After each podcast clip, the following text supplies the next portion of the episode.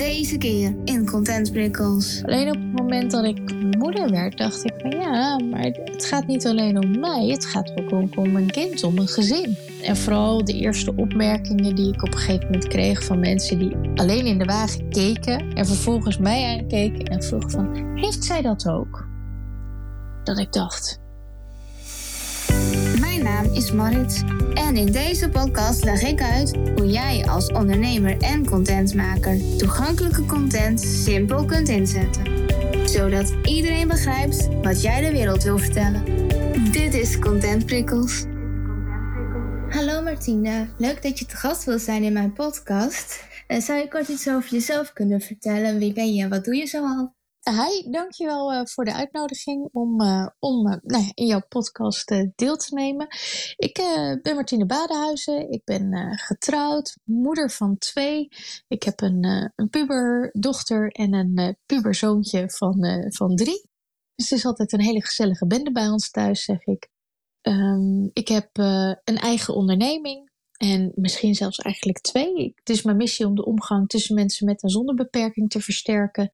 En dat doe ik aan de ene kant door mensen die zelf een aandoening hebben te leren van hoe kun je daar nou sterk over communiceren zodat een ander jou begrijpt en zodat je sterk staat tegenover reacties en vooroordelen die er toch helaas altijd zijn. En aan de andere kant geef ik simulatieworkshops voor bedrijven en organisaties waarin ze zelf heel even in de schoenen staan van iemand met een beperking om te ervaren wat er allemaal bij komt kijken. En hoe ben je er zelf toegekomen om dit werk te gaan doen? Ik ben uh, op mijn uh, twaalfde vrij onverwachts van uh, slechtziend, dat, zo ben ik geboren, naar ja, vrijwel blind gegaan. Ik zie alleen hele goede contrasten. En dat is een verandering geweest die heel veel impact heeft gehad, uiteraard, in mijn, mijn leven. Maar ook die me in de loop der jaren steeds meer vooroordelen heeft opgeleverd. En vooroordelen die voor mij vaak als een rode lap op een stier werkten. Want als iemand zei van dat kun je niet, dan dacht ik van nou, dat zullen we nog wel eens even zien. Um, maar soms ook hele ingewikkelde van uh, docenten die zoiets hadden van nou, ik ga geen extra tijd in jou investeren, want jij hebt economie, mijn vak, toch niet nodig later. Um, tot docenten die zich afvroegen van hoe ik hun vak later in de praktijk ging uitoefenen.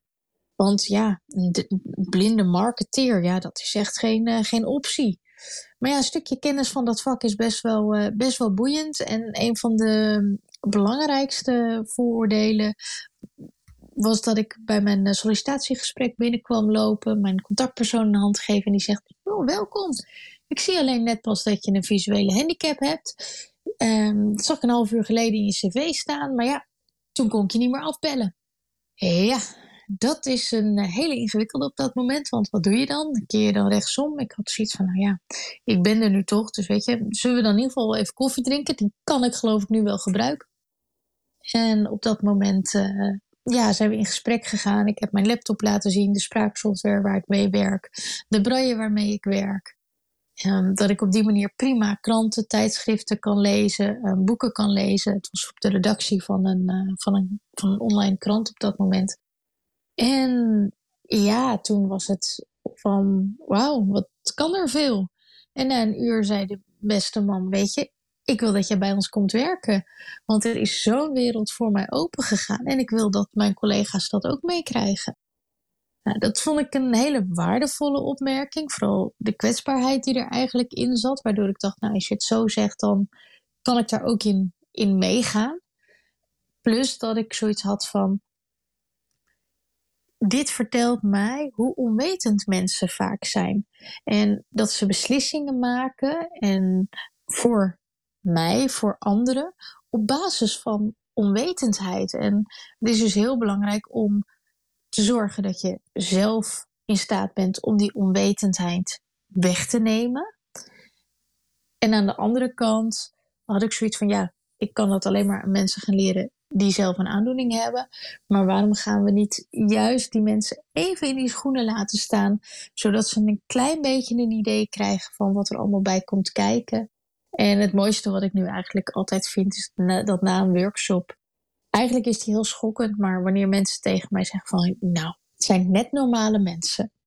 En ja. dat is best heftig als dat tegen je gezegd wordt. Want dan denk ik echt, onder welke steen heb je gelegen?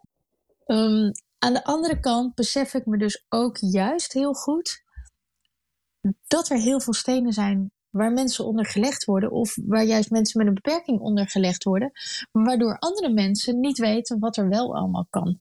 En die opmerking die daar komt, die houdt dus wel in dat wij wel hebben kunnen laten zien wat er wel allemaal kan. En ondertussen hebben we laten ervaren welke drempels we eigenlijk ervaren in het dagelijks leven, in het werken, om de dingen te kunnen doen die alle andere mensen ook doen. En hoe ben je dan van dat sollicitatiegesprek naar je eigen bedrijf gegaan? Um, altijd wel de droom gehad willen hebben om voor mezelf te gaan werken. Ehm, ergens werken waarvan je het gevoel hebt van nou, ik kan hier niet verder groeien. Heel veel sollicitatiegesprekken gehad hebben waarbij het niet gelukt is. Um, de sollicitatie waar ik eerder over vertelde was tijdens mijn, uh, mijn stagezoektocht. En toen ik eenmaal was afgestudeerd, werd het toch wel wat ingewikkelder. Ondanks dat ik al wat werkervaring had. En ik ben op dat moment nog een, uh, een opleiding tot mediator gaan doen, conflictbemiddelingen. Superleuk, super boeiend, want juist die gesproken interactie is iets waarin ik mij in mijn studie heel erg in gespecialiseerd heb. Ik kon er heel veel mee, alleen ik merkte dat het voor mij niet iets is om vijf dagen per week in een kamertje met twee mensen te zitten die alleen maar oneenigheid met elkaar hebben. En af en toe is het fantastisch om te doen en om die mensen daaruit te halen en weer op een andere manier naar elkaar te laten kijken. Maar ik sta veel liever voor de groep en ik werk veel liever um, binnen, een, binnen een bedrijf, binnen de grotere organisaties. En ik dacht, ja, misschien ben ik eigenlijk wel gewoon de mediator tussen die twee werelden. De, wereld van mensen die zelf een beperking hebben en weten wat er allemaal bij komt kijken. En juist de wereld van de onwetende mensen. En dat is wat ik nu probeer te doen, om die wat meer bij elkaar te brengen. Ja, en dat is ook een hele mooie, dat je juist die mediator tussen die werelden kunt zijn, in plaats van alleen maar in conflicten en oneenigheid, inderdaad. Ja, en soms kun je het bijna als een, ja, eh, een, een, een beginnend conflict zien. Hè? Want er zit eigenlijk heel veel miscommunicatie door die onwetendheid. Want we gaan heel veel voor elkaar invullen. bedrijven die zeggen van ja, maar bij ons komen nooit mensen met een, met een beperking of wij hebben geen bezoekers in een rolstoel. Dus waarom zouden we de ingang dan aanpassen? Ja, waarschijnlijk komen ze op het moment dat het wel toegankelijk is. Want het is logisch dat ze nu niet komen, want je kan niet naar binnen.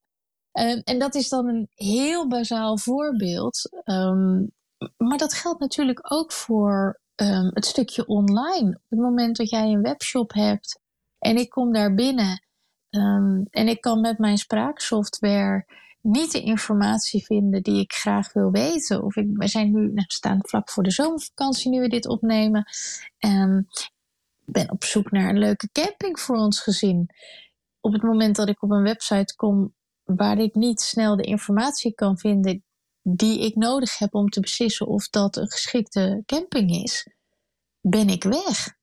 En zijn ze mij dus als klant heel snel kwijt. Terwijl een van mijn gezinsleden, die wel een paar goede ogen heeft, direct zegt: Oh, dat ziet er fantastisch uit. Maar hoor ik alleen maar um, uh, foto's met nummers of uh, uh, veld 2.jpg, veld 1.jpg. Ja, dan vertelt mij dat niet hoe dat veld eruit ziet. En of daar dan bijvoorbeeld ook speeltoestellen op staan voor onze jongste. Zodat, hij, zodat wij lekker kunnen zitten en hij lekker kan spelen. Mm, nee, zo zijn er vaak allemaal van die hele kleine dingen naar het lijkt. Um, maar als meerdere van dat soort dingen niet vindbaar zijn, dan ben ik weg als klant en dan ga ik verder zoeken. Ja, dus eigenlijk loop je als bedrijf of organisatie een heleboel potentiële klanten mis. Alleen maar doordat je niet toegankelijk bezig bent. Ja, en het, het, is misschien niet eens alleen je klanten, maar ook misschien een stukje um, goodwill. Omdat op het moment um, dat het niet toegankelijk is, dat ik de informatie niet kan krijgen, voel ik me ook niet welkom. En juist dat welkom voelen, ehm, dat is belangrijk. Want als er dan iets is wat ik niet begrijp, dan zal ik nog wel de stap nemen om die extra moeite te doen en te gaan bellen. Ja. Um, en het zijn al die kleine dingetjes bij elkaar die je te doen. Want, want het is niet één voorbeeld aan zich. Want nee, vakanties plan ik natuurlijk niet uh, iedere dag. Nee. Dat is toevallig nu een thema. Maar de ene keer is het dat ik een ID-kaart voor een gezinslid moet aanvragen. De andere keer moet ik voor mijn eigen werk um, de bankzaken doen. Of um, voor een collega inloggen op een programma. Um, zodat ik haar uh, verlofuren kan toekennen dat zijn allemaal vraagstukken waar ik mee, mee worstel. Ik ben nu bezig om een partij te zoeken om mee, mee samen te werken. Um, voor inderdaad verlof en uitbetalingen.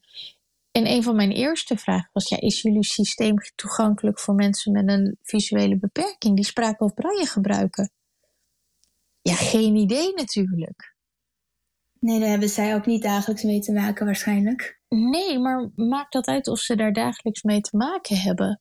Um, het is niet onrealistisch dat er mensen zijn met een visuele beperking die van hun diensten gebruik willen maken. Ik ben ondernemer, ik heb personeel. Alleen ik weet dat ik niet de enige ben. Nou ja, um, jij bent ook een ondernemer met een, met een visusbeperking. En we kennen er met elkaar nog wel een aantal ja. die dat misschien niet nu, maar in de toekomst ook nodig zouden kunnen gaan hebben. Alleen vaak zijn we daar niet mee bezig, omdat we denken, ja, maar waarom is dat nodig?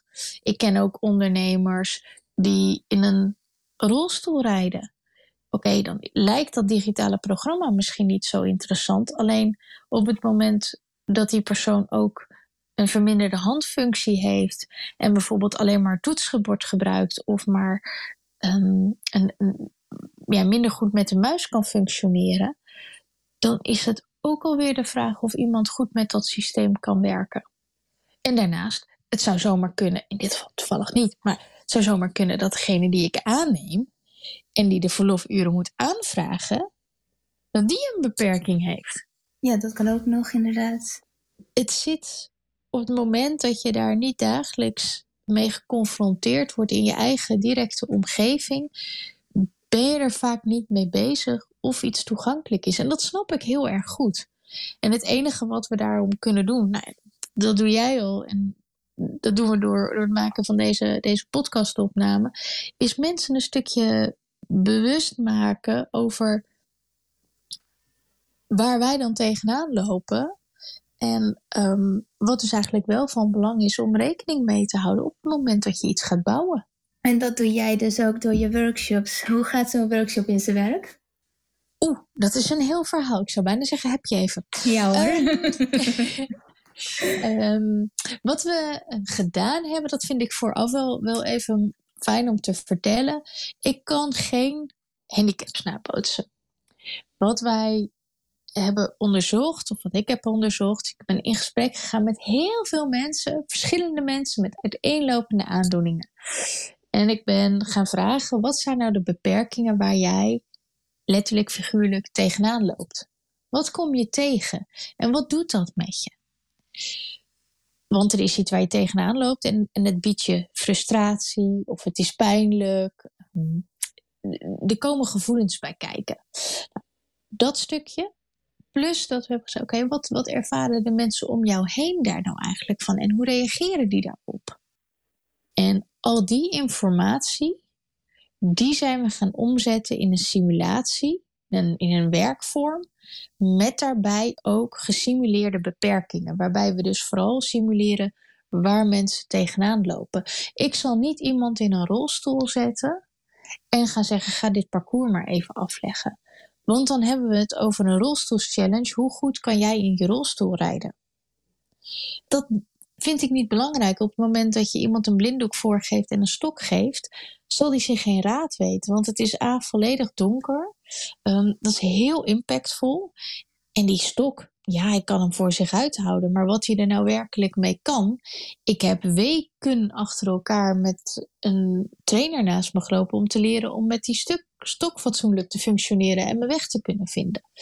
Dus dat voelt niet logisch. Dat zou, is hetzelfde als dat ik iemand Ehm, met een blinddoek op achter mijn laptop zeggen en zet, ja, die laptop is toegankelijk, want er zit spraaksoftware op en er zit braille op, ga je gang.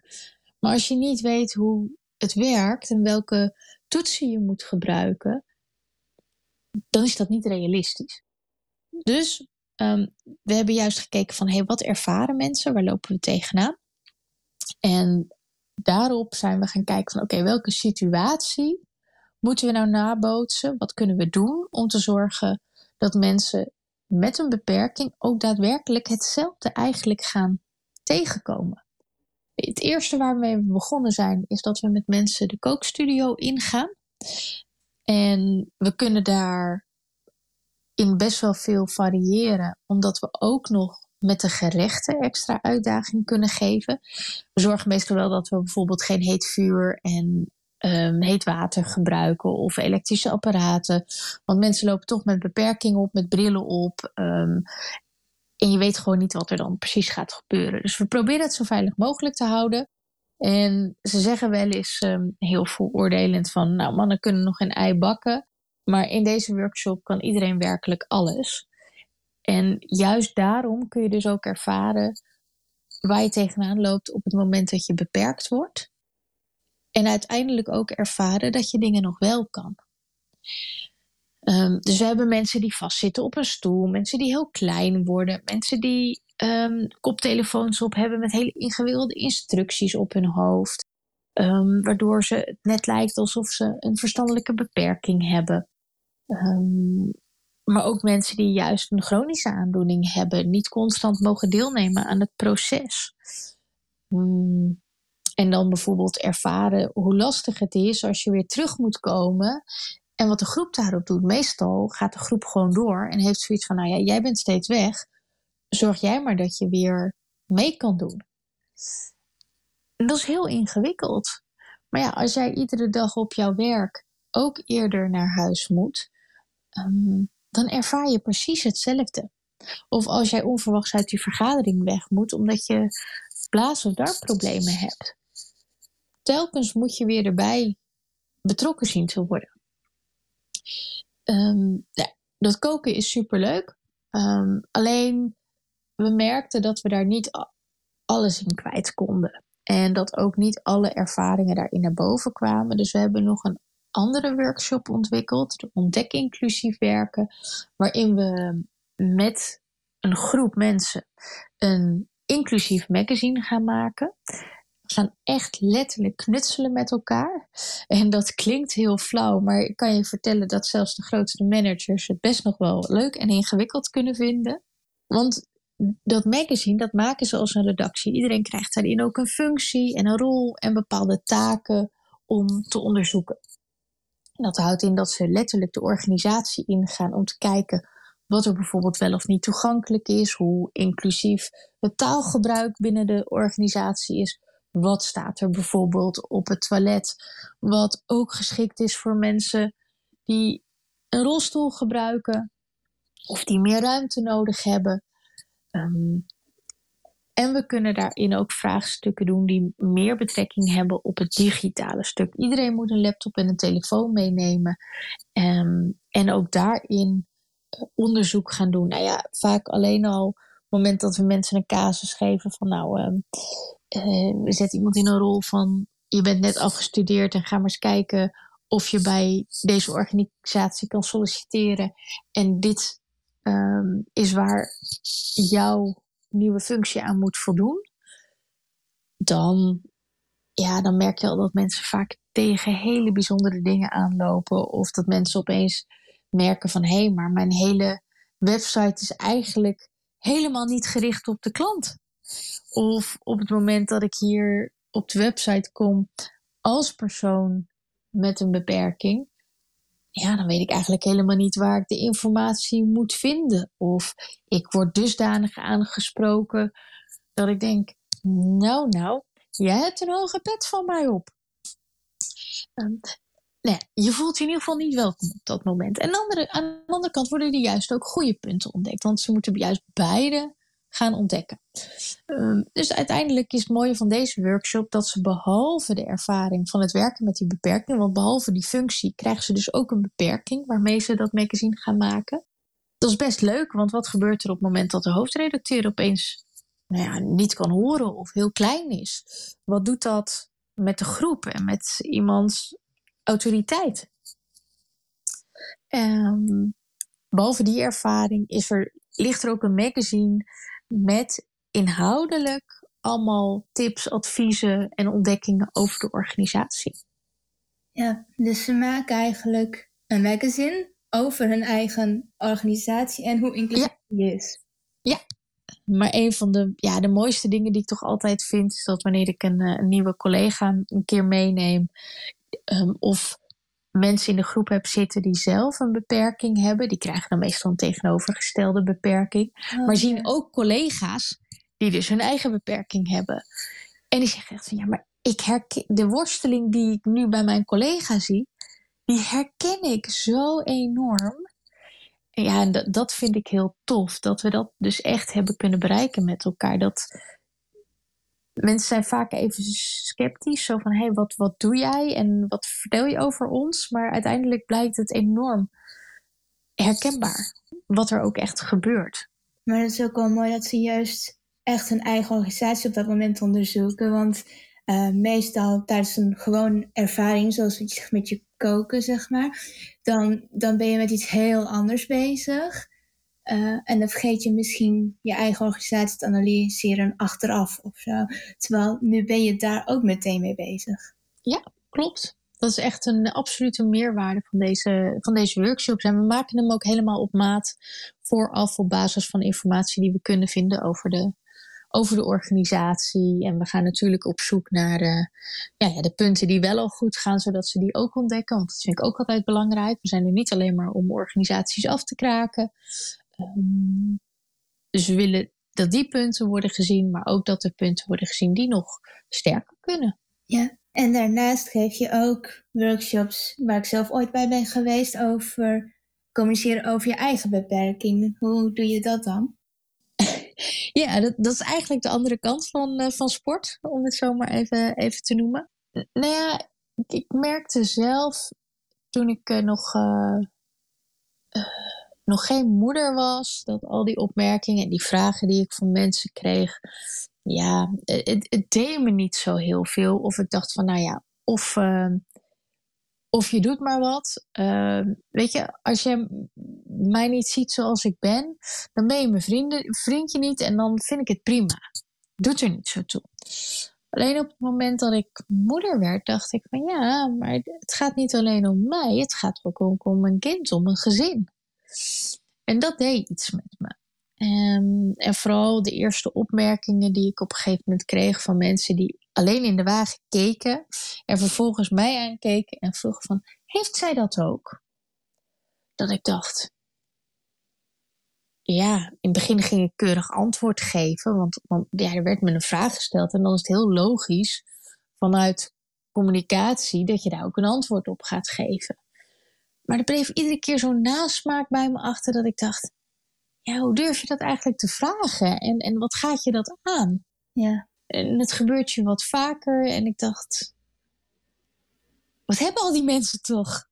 En ik dacht, hoe ga ik daar de volgende keer mee, mee om? En ik ben voor mezelf eigenlijk gezegd, nee, ik moet gewoon wat standaard antwoorden hierop gaan formuleren, die zowel ik, maar ook mijn partner kunnen gebruiken. Want het was niet alleen dat ik vragen kreeg, maar ook dat mijn partner vragen ging krijgen. En ja, dan is het wel fijn als je daarover op een lijn zit.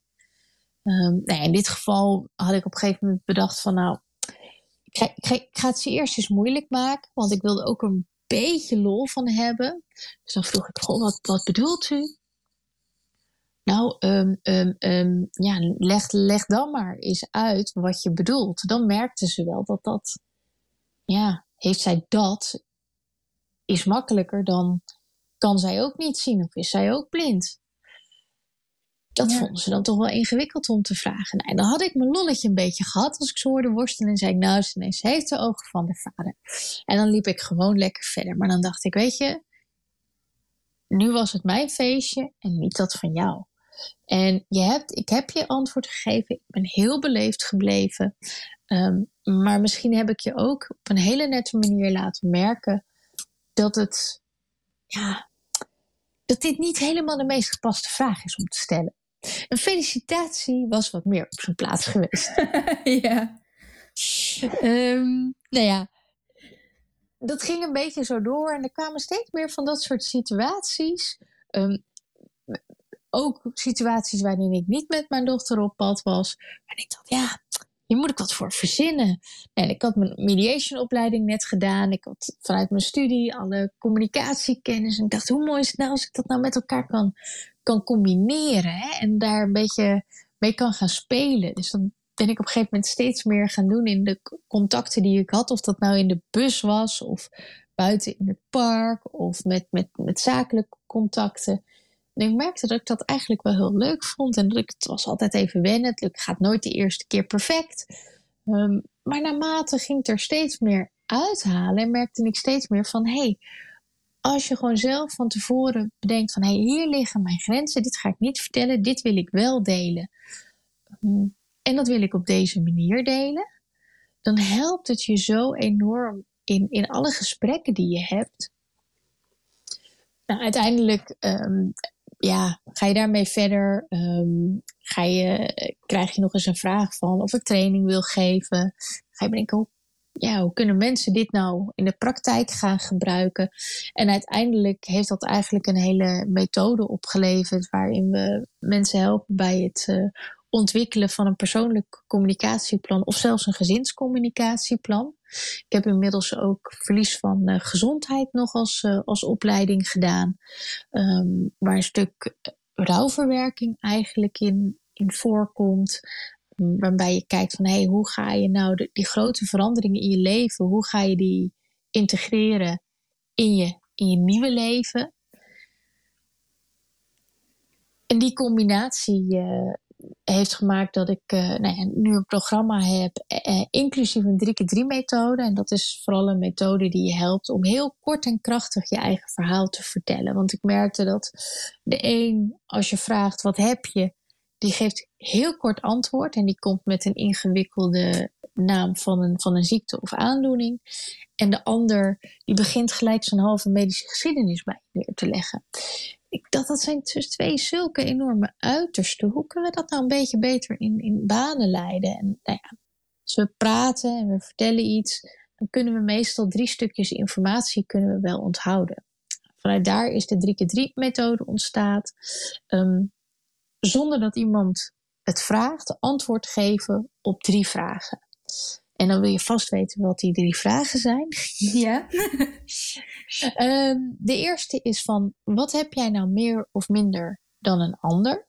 En meer en minder gaat niet over goed, beter of slechter, maar meer in letterlijke zin. Ik heb minder zicht. Um, ik heb vaker hoofdpijn doordat ik ook nog een aandoening aan mijn ogen heb, waardoor ik vaak hoge oogdrukken heb. Um, het kan zijn dat je minder focus hebt of juist sneller bent afgeleid. Dus dat is een hele praktische meer of minder. Vanuit dat vertellen, dan hoef je dus niet eens het over de naam van de aandoening te hebben of precies over de aandoening die je hebt. Ga je vertellen um, en antwoord geven op de vraag: dat zie of merk je aan mij door dat?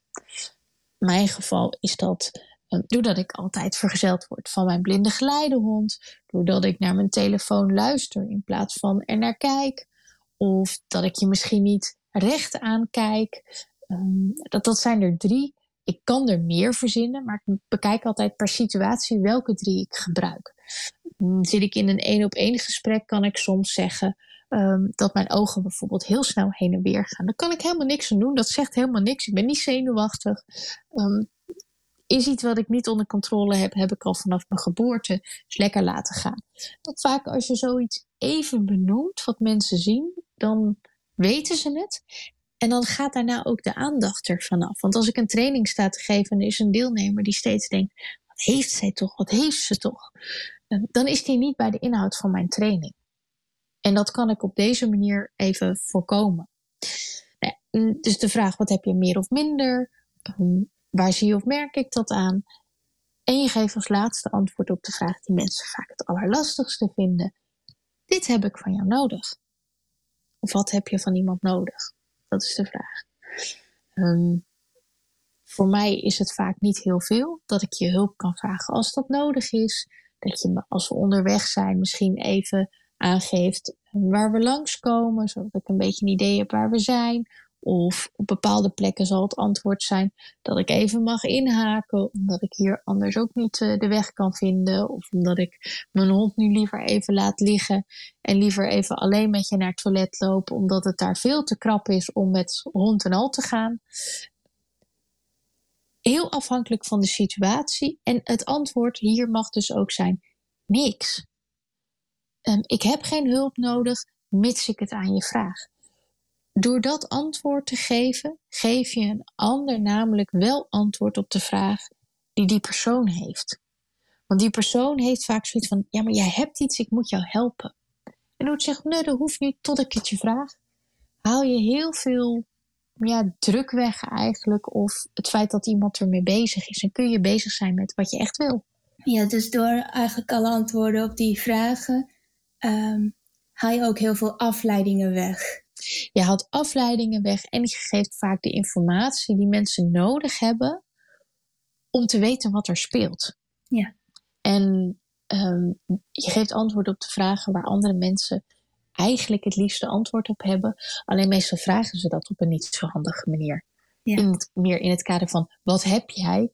Omdat zij denken als jij zegt ik ben slechtziend, ik ben blind of ik heb autisme. Um, dan denken ze te weten wat je nodig hebt. Maar dat is op basis van informatie die ze in de krant gelezen hebben. Wat ze zich bedenken. Hé, hey, ik ben blind. Oh, als ik mijn ogen dicht doe, wat heb ik dan nodig? Um, of um, ik heb een buurmeisje die ook die aandoening heeft. Die heeft dat nodig. Dus dan ga ik dit bij jou ook doen. Maar iedereen is anders. En iedereen heeft net even een stukje andere ondersteuning nodig. Ja. En ik geef je deze drie vragen nu meer um, als van hey, heb je zelf een aandoening? Dan kun je deze drie vragen in je, eigenlijk voor jezelf beantwoorden in wat je aan iemand vertelt. Dus je gaat niet die vragen erbij zeggen, je vertelt alleen de antwoorden erop. Ben je nou in contact met iemand die een aandoening heeft, of waarin je daarover twijfelt, ehm, dan kunnen deze drie vragen jou juist ook helpen om op een positieve manier aan iemand te vragen van Ehm, wat er speelt en hoe je iemand kan helpen. Want dat zijn ook de antwoorden waar jij echt iets mee kan. Ja, dan vind ik die laatste sowieso heel mooi van uh, wat heb je nodig van mij of zo. Want dan ben je echt bewust bezig met die persoon en niet met alleen maar alle blinden lopen met stok en hebben een arm nodig om over te steken of zo. Dus dan ben je veel meer met die persoon bezig dan met iedereen met zo'n beperking. Klopt. Want ik merk het heel vaak dat als ik ergens ben en ik weet de weg niet, dan bieden mensen heel snel een arm aan. Terwijl ik veel liever zelf achter diegene aanloop, omdat ik zie waar diegene loopt. Dus ja, het is alsof ze dan meteen denken: oh, jij loopt met een stok, dus je hebt een arm nodig. Ja, precies. En voor een deel is dat logisch te begrijpen, want ze weten: een stok houdt in. Um, dat is een blinde stok. Ja. Um, zo heet hij ook. Dus dat, eh, ik begrijp die intentie wel. Alleen door zelf te zeggen van, voor mij is het helpender om achter u aan te lopen. Want dat zie ik nog. Of um, u heeft een jas aan waar ik nog wat aan heb. Ja. uh, dat kan ook, hè? Dat zijn allemaal van die. Door, dat stuk, door ook even de reden erbij te vertellen, help je mensen um, om te doen wat jij wil doen. Ja. En als je alleen maar gaat roepen: nee, ik wil die arm niet. Um, als iemand al bijna jouw arm vast heeft, um, ook een logische reactie is. Maar juist aangeven wat je wel wil, is nog makkelijker. Zowel voor jezelf als voor de ander. Want het is positiever om aan te geven wat je wel wil. komt bij de ander ook positiever binnen. Anders heeft zoiets van, nou, ik wil alleen maar helpen en dan krijg ik een grote mond. Ehm, en jij geeft aan wat je wel helpend is, waardoor die dat ook sneller zal doen. Ja, ik zeg meestal ook, uh, nee, hoeft niet, uh, ik loop wachten je aan. En dat is dan echt op een, uh, ja, het was bijvoorbeeld een keer op een kruising waar een afzetbord stond, dus ik wist ook even niet welke kant ik om moest. En toen liep er net iemand langs en die zei, zal ik je helpen? En die bood een arm aan meteen. Maar je hebt ook situaties op een evenement of dat je de weg naar de wc even moet weten. En loop je ook gewoon achter iemand aan. Dus het kan natuurlijk overal zijn. En nou ja, eh, ook online denk ik. Ja, maar dat is een andere manier van helpen natuurlijk. Ja, maar het, het kan wel zijn ehm, wanneer jij zorgt dat een, als iemand binnenkomt op jouw website, dat je daar een hele duidelijke structuur hebt um, van wat kan ik voor je doen. Of je hebt een pagina waarop staat um, hoe de website in elkaar zit, hoe het werkt. Dat kan heel helpend zijn. En dan kom je inderdaad weer bij het stukje digitale toegankelijkheid en hoe zorg je dat je online omgeving ook ja, goed werkt voor mensen met een beperking. Want wat heb jij erop gezet? Wat heb jij gedaan om te zorgen dat het goed te bedienen is? Um, als jij al aangeeft van hey, je kan makkelijk met de tab door de pagina heen. Um, het hoeft niet heel uitgebreid te zijn. Ehm, maar het geeft mij wel een manier aan zo van, oh, dit is, dit is waarop ik deze website moet, uh, moet bedienen. In plaats van dat ik constant zelf overal aan het ontdekken ben wat, wat het idee is. Heb jij tot slot nog een tip voor de luisteraar, hoe ze nu al makkelijk toegankelijker kunnen communiceren? Nou, praat vooral um, met mensen. Um, online is dat misschien wat lastiger. Um, maar ik ben bijvoorbeeld niet zo'n fan van kopjes als uh, uh, voor gehandicapten of um, toegankelijkheid. En dat er dan alleen maar iets staat over mensen in een rolstoel, mensen die blind zijn. Um, op het moment dat je het over de voorzieningen hebt op jouw locatie, laat het dan ook daaronder staan. Geef die informatie op de plek waar iedereen zijn informatie krijgt. Want informatie die voor mij handig is om te weten, kan zomaar voor iemand anders ook interessant zijn om te weten. Um, nou ja, er, er, zijn zoveel tips. Um, je taalgebruik is natuurlijk van belang. Zorg dat dat lekker leest en dat ook mensen die een verstandelijke eh, beperking hebben of een licht verstandelijke beperking hebben, ehm, of een taalontwikkelingsstoornis, dat het voor hen begrijpelijk is. Want we gebruiken vaak zoveel ingewikkelde woorden en lange zinnen op pagina's, waardoor het niet meer helder is. Ehm, het valt mij altijd op dat we het over tickets hebben in plaats van toegangskaartjes. Um, maar er zijn veel meer Engelse woorden die we gebruiken, bijvoorbeeld. Waarom niet de normale, de simpele Nederlandse term gebruiken? Vinden ook gewone mensen um, heel erg fijn. En als mensen nu denken, hey, ik wil met Martine samenwerken of voor een workshop of iets, waar kunnen ze dan terecht? Um, wanneer je geïnteresseerd bent in, de, in die 3x3-methode of het persoonlijk communicatieplan, kijk dan even op www mb3.nl. En zou je eens willen ervaren wat het nou is om aan de andere kant te zitten, om juist met die beperkingen aan de slag te gaan, eventueel binnen je eigen organisatie, dan uh, moet je even kijken op www.allinclusivework.nl. Dankjewel. Jij ook, dankjewel. En dan nu naar de taaltip. Want wat is juist van tevoren, van tevoren of van tevoren aan elkaar. De juiste schrijfwijze is van tevoren. Dus met een spatie na van en tevoren aan elkaar. Ik heb dus van tevoren deze taaltypes uitgewerkt. Tevoren wordt als één woord beschouwd en behandeld. En van is daar niet mee samengesmolten van tevoren is eigenlijk een vast begrip waarvan je gewoon moet weten dat het zo geschreven wordt. Of je moet het weten, of je moet altijd even gaan opzoeken.